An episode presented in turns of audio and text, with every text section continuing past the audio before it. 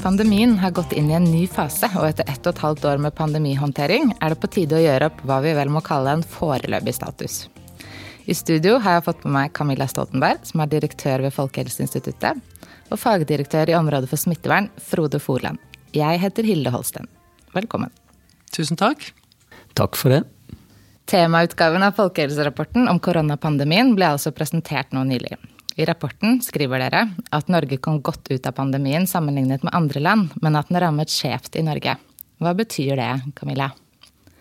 Det at vi kom godt ut, det måler vi jo på flere måter.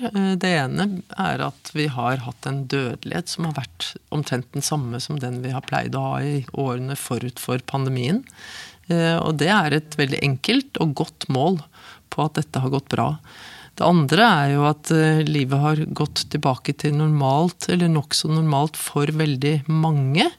Eh, og at det faktisk også underveis, på tross av nedstengning, har vært noenlunde normalt i deler av landet over tid, med tiltak som har vært til å leve med. Altså slik at man har kunnet ha et visst sosialt liv og kunnet arbeide når det gjelder at det har rammet skjevt, så er det noe vi ser ikke bare i Norge, men også i andre land. Vi ser at det rammer skjevt etter sosiale og økonomiske mål, og vi ser at det rammer skjevt da etter om man er født i Norge eller ikke. Så for enkelte innvandrergrupper så har pandemien rammet mye hardere enn for andre deler av befolkningen. Og så har den rammet, eh, eller særlig tiltakene egentlig, Eh, de som har bodd alene, de som eh, er utenfor arbeidslivet, og eh, også barn og unge som har vært utsatt på forhånd, først og fremst. Ja, fordi noen blir rammet særlig hardt av tiltakene, mens andre blir rammet særlig hardt av selve sykdommen. Og det ser man kanskje først og fremst blant unge og eldre, da. Mm. Hva tenker du om det, Frode? Dette er jo en sykdom som kanskje mer enn noen andre sykdommer vi kjenner til, rammer ulikt i ulike aldersklasser. Eh, og at det er de eldste her som blir mest alvorlig syke, og som har blitt utsatt for å dø. Og vi ser jo en ekstrem gradient, da, hvis du kan bruke det begrepet. Mens de aller fleste barn og unge blir i mildere grad syke. Så har jo mange av tiltakene, særlig den første fasen, vært slik retta inn at de har vært retta mot hele samfunnet, også mot barn og unge som har hatt den laveste sykdomsbyrden, men kanskje måtte lide den største byrden ved tiltakene. For ikke å gå i barnehage, ikke gå i skole, ikke få lov til å være sammen med venner og andre i fritidsaktiviteter. Og så har en jo prøvd hele tida, når vi nå har skulle åpne opp igjen samfunnet, og hatt en prioritering på at du også prioriterer barn og unge først for å få de tilbake i et normalt liv. For det er viktig både for deres kroppslige helse, for deres psykiske helse, og det var ikke veldig viktig å holde de stengt for deres egen del pga. koronaen, men for å beskytte de voksne og de gamle. Og er det alle barn er det noen eh, grupper innenfor barn og unge som har blitt hardere rammet? Jeg tror Camilla var inne på det litt, men det handler nok igjen om at de mest sårbare fra før av er de også som har blitt mest sårbare i denne situasjonen. Eh, og at en har hatt behov for å ha særskilte tiltak knytta til barn som har vært under tilsyn, f.eks. Og barn som på en måte har hatt eh, behov for ekstra oppfølging fra før, har også måttet ha hatt en mulighet for å kunne få tilbud fra barnehage og skole gjennom pandemien. I tillegg så måtte en jo òg sette inn eh, tiltak som gjorde at barn av foreldre som var i samfunnskritiske funksjoner, fikk tilbudet om skole og barnehage, slik at en kunne opprettholde dem i den første fasen. Og du nevnte en annen gruppe, Camilla. Det var innvandrerfamilier og utenlandsfødte. For det vi kan se her, er at de sto for 40 av sykehjemsinnleggelsene eh, fra mars 2020 til februar 2021, mens de utgjør bare 15% av befolkninga. Og det har vært spekulert i mange ulike grunner eh, til at det er sånn, og jeg har lest alt fra D-vitaminmangel til kommunikasjonsproblemer. Men hva har dere sett sånn nå, når man gjør opp status, at det har vært de viktigste grunnene til at det er blitt så skjevt? For å svare litt enkelt, så er det ikke slik at vi er ferdig med å utforske dette, men eh, det har vært mer smitte i noen av de gruppene. Eh, og det gjør også at flere har blitt alvorlig syke. Eh, og det har vi sett at det har vært over tid. Og det er bare noen undergrupper av innvandrerbefolkningen dette dreier seg om, og vi har best mål for de som selv er født i andre land. Og der er det bl.a. personer som har reist mye til sitt eget opprinnelsesland. Og enkelte av de landene har hatt mye smitte.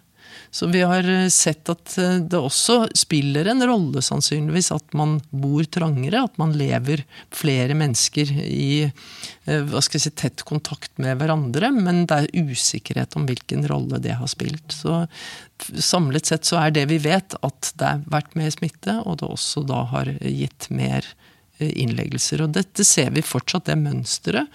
At det er ca. 40 til dels litt mer prosent som um, nå er innlagt, som har uh, opprinnelse i et annet land. Men um, nå på et mye lavere nivå. Det er ikke veldig mange innlagte, uh, men likevel så, så er dette mønsteret der fortsatt. Og nå henger det bl.a. sammen med at noen av disse gruppene har lavere vaksinasjonsdekning. Det er jo et mønster som vi også ser i de andre nordiske landene, uh, også i andre land i Europa. Uh, og det er vel en utfordring òg som går tilbake på oss i forhold til å kunne kommunisere godt og tydelig og få nå ut med de budskap vi har. Og vi eh, har jo kanskje hatt overraskende stor nytte av en avdeling hos oss som vi kanskje ikke trodde var den som var mest relevant i en pandemi, nemlig avdelingen for migrasjon og helse. Og de som òg har jobba med de sosiale forholdene rundt ulike innvandrergrupper og ulike subkulturer som vi har i Norge. Og Det jo vært en stor styrke tror jeg, for instituttet at vi har hatt stor, ekspertise på det, og mange som har hatt kontakt med de miljøene på forhånd. Så Tidlig så setter vi jo inn eh, helt målretta arbeid mot disse miljøene.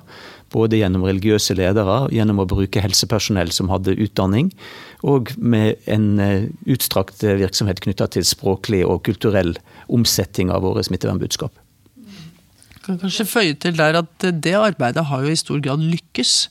Eh, for hvis vi ser f.eks. på vaksinasjonsdekningen i en del grupper eh, med opprinnelse i andre land i Norge, så er jo den høyere enn det man får til i den generelle befolkningen i mange andre europeiske land som det er naturlig å sammenligne seg med.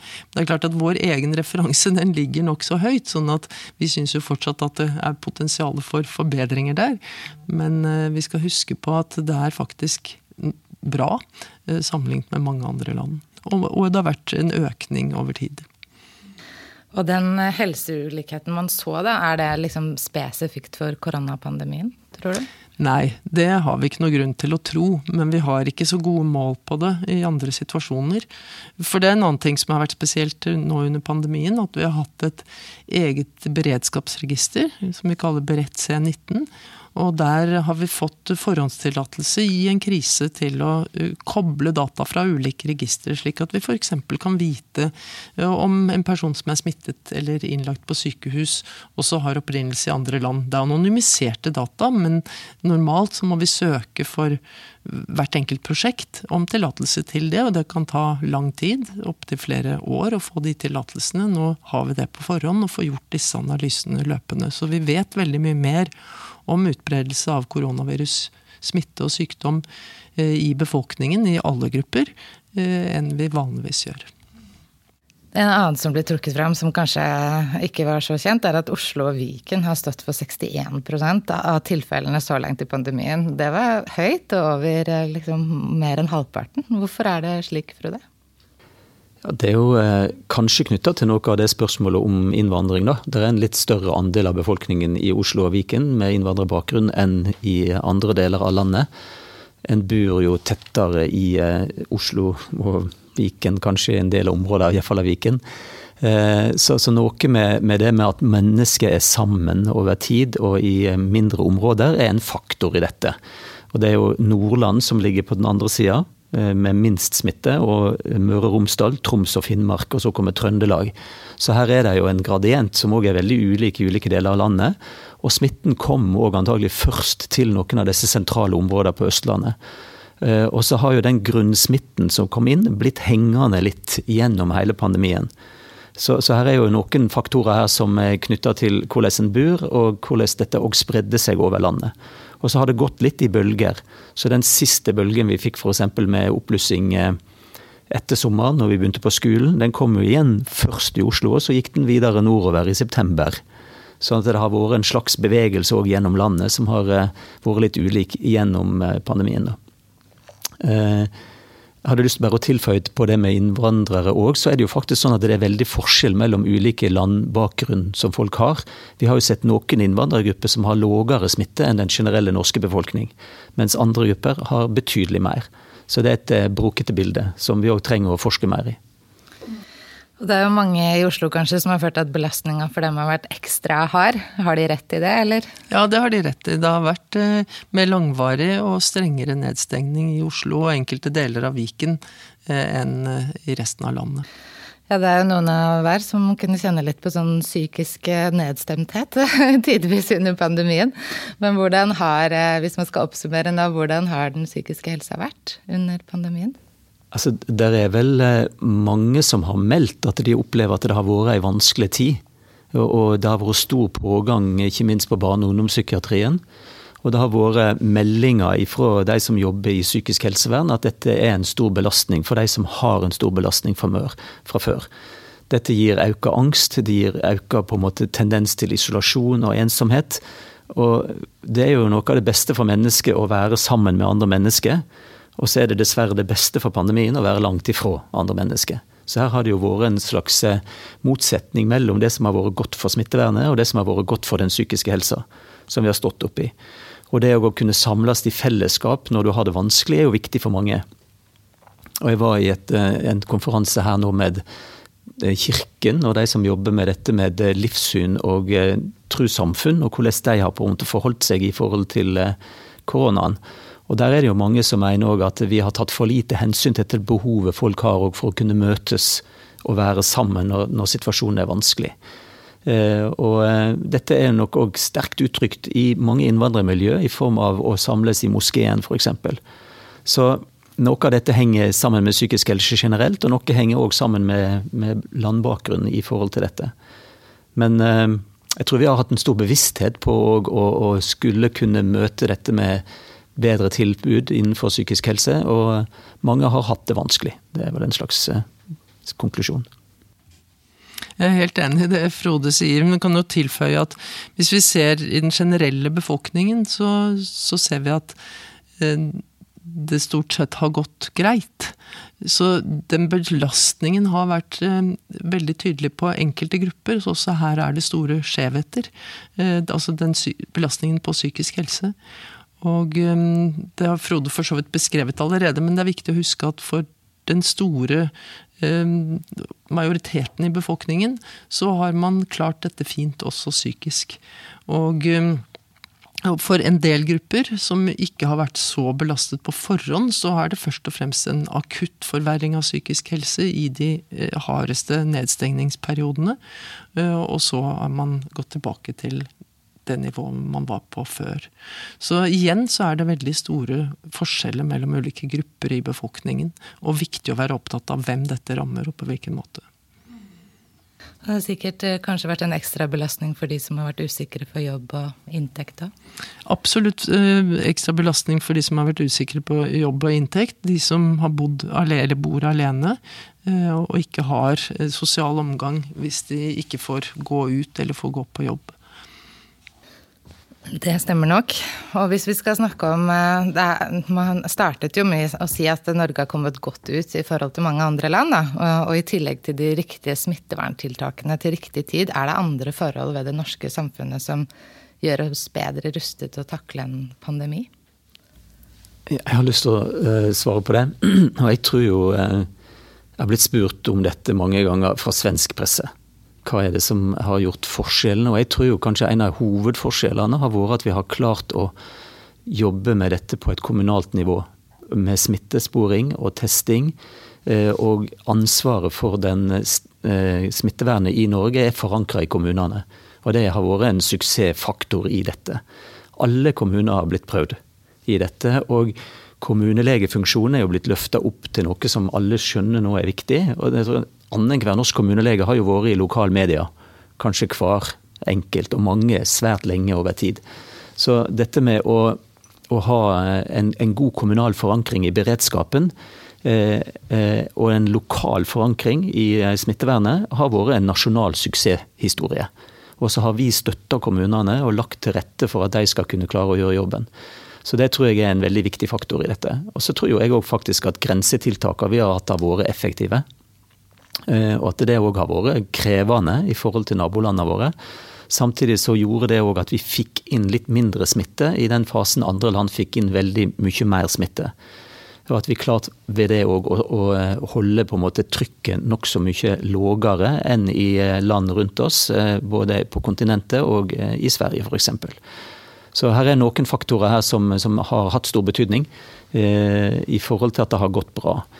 Og så er det jo selvsagt det at eh, vaksinen kom så fort som den gjorde. Så det gikk an å ha sånne stramme samfunnstiltak når vi skjønte at vaksinene ville komme. Nei, Dette er jeg helt enig i. Men hvis vi skal se på hvorfor det har gått bra sammenlignet med alle land, eh, så tenker jeg at vi også må huske på de tingene som er til stede hele tiden, som ikke er spesifikke for beredskapen i denne situasjonen. Eh, kommunenes innsats, det at vaksinene kom tidlig, og, grensekontrollen eh, har vært helt avgjørende i denne situasjonen. Men i bunn så er det jo det at vi har et velferdssamfunn, at vi har hatt kompensasjonsordninger, at vi har hatt trygghet for at selv om man mister jobben eller bedriften er truet, så er det støtteordninger underveis som gjør det mulig å gjennomføre tiltakene, dempe en del av de skadelige effektene av tiltakene, og samtidig håndtere pandemien. Og det gjør jo at um, vi får helt andre betingelser enn en del av de landene der du f.eks. ikke har helsetjenester for alle. Der folk føler seg grunnleggende trygge, der de har mistillit til myndighetene. Er, det er jo gått eh, mye dårligere i USA f.eks., og der har du jo også snakket om at folkehelsen generelt er dårligere. Da. Er det også et element her? Det er det absolutt. Så vi kan se på det på flere nivåer. som sagt. Altså, det ene er hvordan samfunnet fungerer til vanlig. Hvor, eh, hvor gode er velferdsordningene, hvor gode, godt er helsesystemet, eh, og hvor, hvor, sterkt er demokratiet, for å, for å, ta det enda lenger ut. Og altså Har folk tillit til, til politikerne sine, stoler de på at de, de vil dem vel. Eh, og så er det da det neste nivået med de de ordningene vi har for å håndtere kriser, som i Norge da bl.a. handler om kommunenes rolle, som har fungert eh, helt utrolig bra i denne situasjonen. Og så er det de spesifikke tiltakene. Kan jeg si litt til om det internasjonale? da? For, for jeg tenker jo at eh, det, det framheves jo av koronakommisjonen, og som egentlig Camilla òg sier nå, at tillit til myndighetene har vært helt avgjørende. Eh, og det ser vi jo òg at det har slått ut, tenker jeg, på Eh, Norge i en veldig stor grad. Som at eh, vi har fulgt de rådene som har vært gitt. Selv om folk har syntes de har vært både litt vanskelige og litt strenge noen ganger, så har en jo streva etter å følge de så godt som en har kunnet. Og at det er en slags eh, enorm beredskapsfaktor i samfunnet som ikke er så lett å måle. Som, som er bygd opp over veldig lang tid. Og som handler om tillit både til den lokale styresmakt og den sentrale. Eh, og, og, så tenker jeg at vi nå òg må skjønne at vi fortsatt står i et eh, internasjonalt forhold rundt denne pandemien som det fortsatt er. Og at vi må tenke hvordan vi òg kan være med å støtte andre land i å slå ned de utbruddene som fortsatt er i store deler av verden, og den manglende vaksinedekning som fortsatt er i store deler av verden. Når vi nå bikker 90% vaksinasjonsdekning i Norge, så bikker de 5% i Afrika. Så her er det jo en ekstrem internasjonal urettferdighet òg som har blitt åpenbart, som vi står i i forhold til global helse generelt. Som vi må jobbe med videre. Og jeg tenker her eh, har vi et ansvar både for å ta vare på oss sjøl og være solidariske med andre land. For at ikke vi skal få tilbake da også varianteviruser som igjen vil skape problemer i vårt land. Og hvorfor er det blitt så skjevt? Eller hvorfor er vi så god dekning her, og så dårlig der? Verden er eh, ekstremt urettferdig i utgangspunktet. Og når det blir en krise, så blir eh, de rike landene enda mer selvopptatte ofte, i hvert fall i en fase. Eh, jeg håper jo at vi nå, ved at vi har fått noe normalisering, at så vidt mange land som er rike, har nådd såpass høy vaksinasjonsdekning, får en orientering ut i verden, der man ser at, akkurat som Frode sa, eh, det, det er viktig både for oss selv for eh, å sørge for ikke å få nye virusvarianter, ytterligere runder med, med epidemien eller pandemien, men også for rettferdighet og solidaritet Men i tillegg er det jo faktisk viktig for verdensøkonomien, og det har enorme effekter potensielt på sikt. Så vi har sterke egeninteresser i å sørge for at hele verden får vaksiner. Eh, og det må skje. Eh, så, det engasjementet, det håper vi at vi kan være med på å støtte både i Norge og internasjonalt, også fra Folkehelseinstituttets side. Henger det sammen med vaksineutvikling og at selskapene holder eh, oppskrifter for seg selv, eller kunne det vært løst på en annen måte? Ja, så Det har jo vært kapitalen og makta som rår, da. Eh, som vi har sett dette. Og det er jo avtalene som landene har gjort med vaksineselskaper. Eh, det er jo ikke vaksineselskaper sjøl kanskje som heller igjen kontraktene. Det har jo vært en enighet i den internasjonale handelsorganisasjonen, det. Og Der er jo òg Norge med. og Vi må få åpna opp både for produksjon og distribusjon. Så her er det store internasjonale ting som en òg må se på i et videre rammeverk for hvordan en kan både dele virus og dele oppskrift på vaksiner og produksjonsmuligheter for å kunne eh, produsere vaksiner. Men hva har fungert bra da i det internasjonale samarbeidet? Det har jo fungert veldig bra med at vi har eh, fått rask tilgang på sekvensen på dette viruset, slik at den kom raskt i gang med denne produksjonen. Og helt overraskende rask produksjon av en vaksine. Det er jo ulikt noe som noen gang har skjedd i verden. Og jeg tenker jo at det gir jo òg et håp om at en kanskje kan klare å få til internasjonale breie samarbeid om vaksine for andre kroniske smittsomme sykdommer aids, malaria, tuberkulose, som ennå ikke har gode vaksiner. Så Det er jo et slags håp i dette internasjonale samarbeidet. Og det har vært tett kontakt mellom mange land i forhold til å, forstå hvordan en best kan støtte hverandre, iallfall innad i Europa.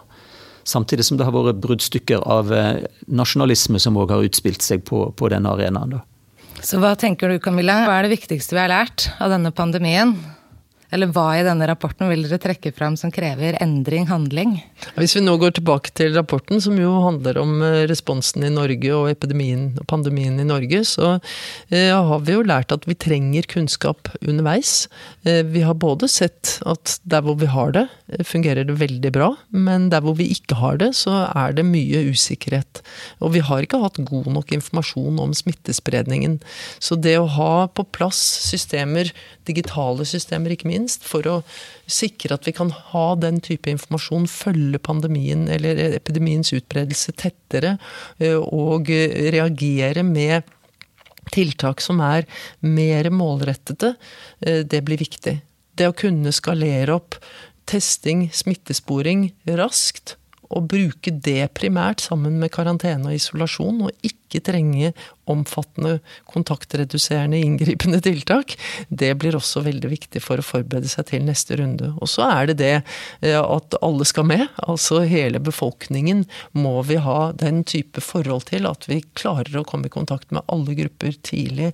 Eh, både når det gjelder forståelsen for hva som skjer, eh, tiltakene og ikke minst vaksinasjonen. Har du noen refleksjoner Frode, om hva vi må ta vare på? Hva har eh, fungert bra? Ja, jo, eh, vi har jo fått en del overraskelser underveis. da. Blant annet det som skjedde i fjor vår. da, Med at vi plutselig så et voldsomt fall i alle smittsomme sykdommer. Og det, det betyr at gode smitteverntiltak kan være effektivt eh, både for å forebygge smitte fra matvann og dyr, fra andre luftveisagens og til og med seksuelt overførbare sykdommer. Eh, så, så det er jo et eller annet med å ta vare på de gode rutinene som egentlig var liksom inne i befolkningen litt lengre tid tilbake. Og så, vi, eh, så har vi jo lært at vi kanskje trenger å ha en mindre bygningsmasse. I forhold til at vi kan være mer på heimekontor. Det tenker jeg er en viktig lærdom. Og så tror jeg òg fornevne igjen at det er viktig å ta vare på et godt lokalt helsevesen. Og at det er en sterk beredskapsfaktor for hele landet. Helt enig, men kanskje føye til en annen veldig interessant ting. og Det er jo at det er jo ikke bare de smittsomme sykdommene som har gått ned, det er jo også noen av de sykdommene som vi ikke ser på som smittsomme i utgangspunktet. Altså f.eks.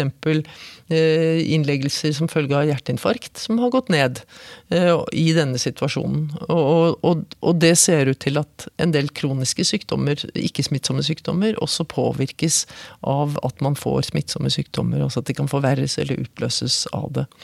Så samlet sett så har jo det ført til at vi har en dødelighet som er omtrent lik som forventet. Eh, ikke påvirket av pandemien, og kanskje til og med litt under forventet i perioder.